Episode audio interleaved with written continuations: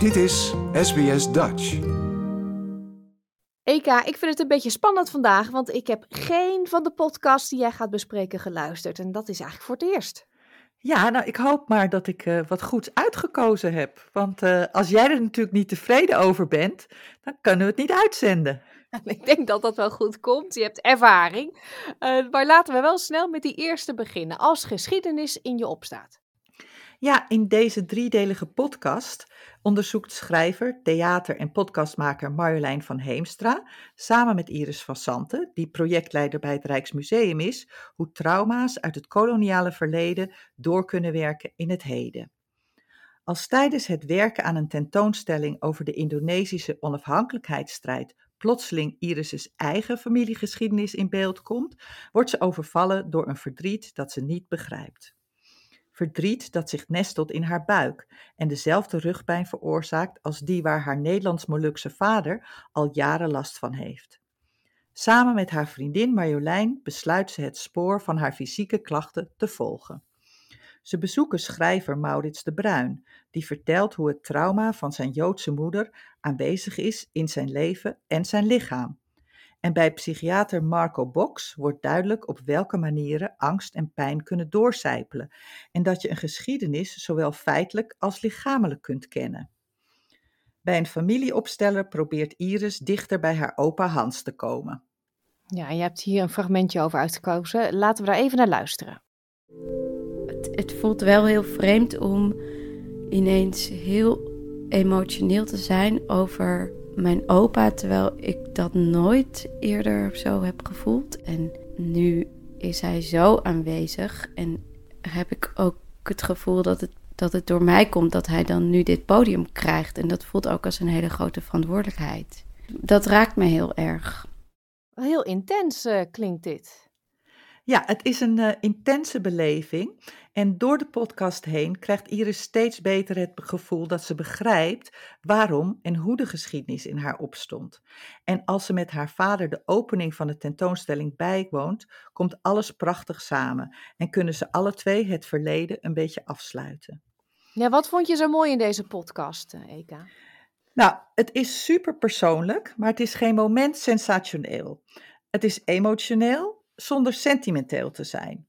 Iris en haar familie zijn open en kwetsbaar, waardoor je heel erg met hun meeleeft. En daarnaast krijg je ook een beetje inzicht in hoe de psyche werkt.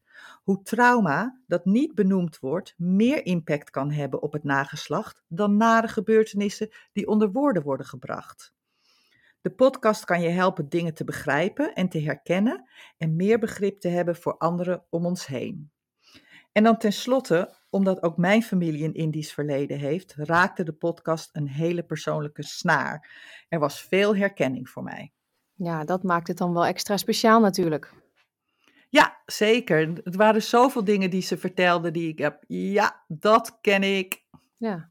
En vooral niet spreken over dingen die gebeurd zijn. En die daardoor juist door het niet te over te hebben een heel eigen leven gaan leiden. Mm Oké, dat klinkt uh, als een um, persoonlijke aanrader, echt, die van binnenuit komt. Ja. ja.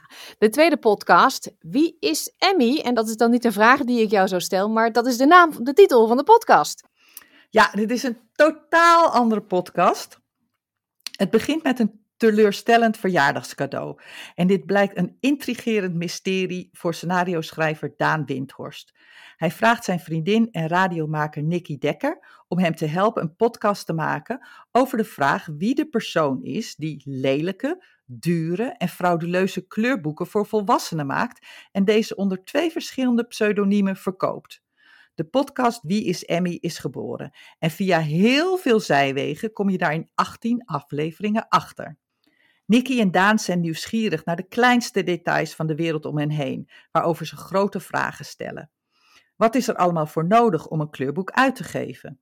Hoe kiest Libris welke boeken ze verkopen? Wat zegt het over je als je een pseudoniem gebruikt? Voor antwoorden op die vragen gaan ze te raden bij allerlei vrienden, experts uit het boekenvak of daarbuiten en bekende Nederlanders als Arnon Grunberg. Ze presenteren zichzelf in de eerste aflevering als tegenpolen. Windhorst is humoristisch, Dekker maakt serieuze podcasts.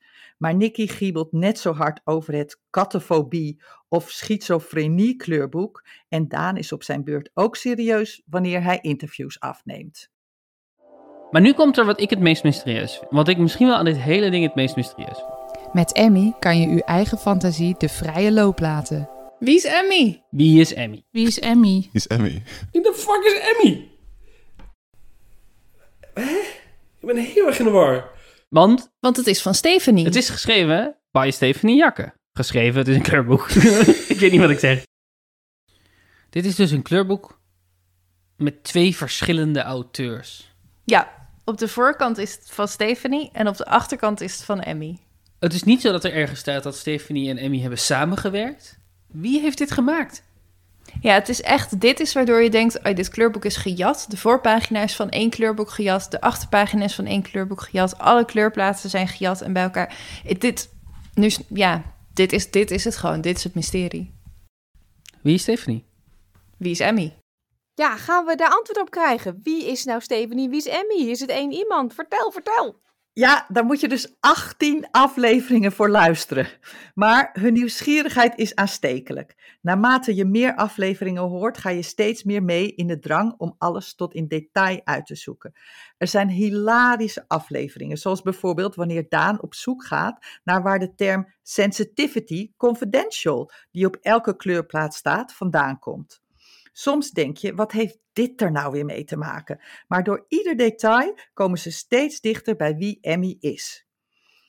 Eh, het is wel overduidelijk dat deze podcast in de coronatijd gemaakt is. Daan en Nicky hebben er zoveel tijd en moeite in gestopt dat het meer verdient dan een tip of een recensie. Het is een enorme kluif en soms ook wel een beetje melig, maar vaak zo grappig en ook verbazingwekkend. Ik kan me voorstellen dat je ergens halverwege afhaakt, maar als je dat niet doet, word je rijkelijk beloond. Ik heb enorm hard gelachen en ondertussen ook nog veel geleerd. En zoals het motto van de podcast zegt, onze missie kent geen eindstreep. Ja, het klinkt eh, een beetje hilarisch. Ik ben ook wel heel benieuwd. Mijn nieuwsgierigheid is gewekt. Maar wat ik ook wel een belangrijke vraag vind. In het begin zei je, het begint met een heel teleurstellend cadeau. Komen we er ook nog achter wie dat cadeau heeft gegeven? Ja, dat hoor je meteen in de, in de eerste podcast. In de eerste aflevering hoor je dat meteen. Ja. Oké, nou, ik ben benieuwd hoe die persoon dan reageert. De derde podcast, laten we daar mee verder gaan. Mensen, ik hoop dat jullie hier klaar voor zijn. Het heet Kerstpraat. Ja, Paulien, wanneer eh, zet jij meestal je kerstboom op? Na Sinterklaas. nou, in, Australië mag het altijd eh 1 december al. Dus eh, daar zijn we niet heel ver meer vandaan. Dus ik dacht, eh, ook de voorpret naar kerst is leuk. Dus laten we deze podcast gaan luisteren. Het lijkt nog wat vroeg, maar voor kerstbesties Saskia de Laat en Arvid Bux beginnen de voorbereidingen voor het kerstseizoen al in de zomer. Sinds juni maakten ze elke maand een nieuwe aflevering van de podcast Kerstpraat. De leukste kerstpodcast van Nederland en België. En je kan ze nu zelfs elke twee weken horen.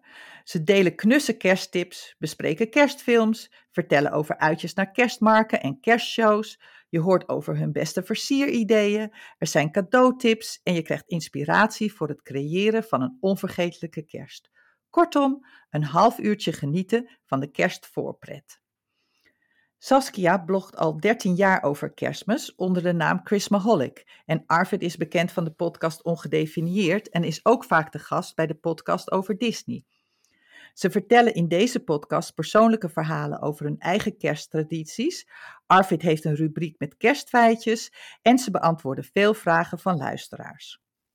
Ja, en Arvid vertelt ook over zijn eigen kersttradities, zijn inkooptradities. Laten we daar even naar luisteren. eerder benoemd in een van de andere podcasten ook. Ik heb altijd een kerstwinkeldag in mijn kerstvakantie. is altijd een van mijn eerste dagen van de kerstvakantie. Ga ik even in mijn eentje winkelen. De laatste paar jaar is het altijd Maastricht geweest. En dat doe ik gewoon lekker in mijn eentje. Dan ga ik rustig naar Maastricht. Ontbijten, lunchen erbij. Dan ga ik eens een kopje koffie. En ondertussen doe ik wat shoppen. En dat vind ik gewoon heerlijk. En het is gewoon echt is een traditie die alleen voor mij is. Ik weet dat jij heel graag mee wilt. Ik Ja. Ieder jaar zeg ik nee. Maar ik vind het altijd heel fijn om gewoon even zelf, zelf te kunnen gaan. Ja, kerstshoppen. Ik moet daar toch altijd nog aan wennen als ik dan hier zo'n eh, hele grote winkelcentrum inkomt en je hoort de muziek en je ziet er aankleding. En dan stap je naar buiten en dan, poeh, het is heel warm. Ja, voor mij is ook sinds ik in Australië woon kerst niet meer hetzelfde. Het is warm, familie is ver weg, er is weinig aandacht voor het religieuze aspect en het eten is ook niet wat ik in Nederland gewend was. En deze podcast helpt een beetje om toch die fijne sfeer van warmte en verbondenheid op te wekken. Het is misschien een beetje nostalgisch, maar als je van kerst houdt en je al helemaal in de sfeer wilt komen, luister dan naar Saskia en Arvid. Ja, want er is helemaal niks mis met een beetje nostalgie. Dankjewel Eka voor de tips van deze maand. Alsjeblieft. Like, deel, geef je reactie. Volg SBS Dutch op Facebook.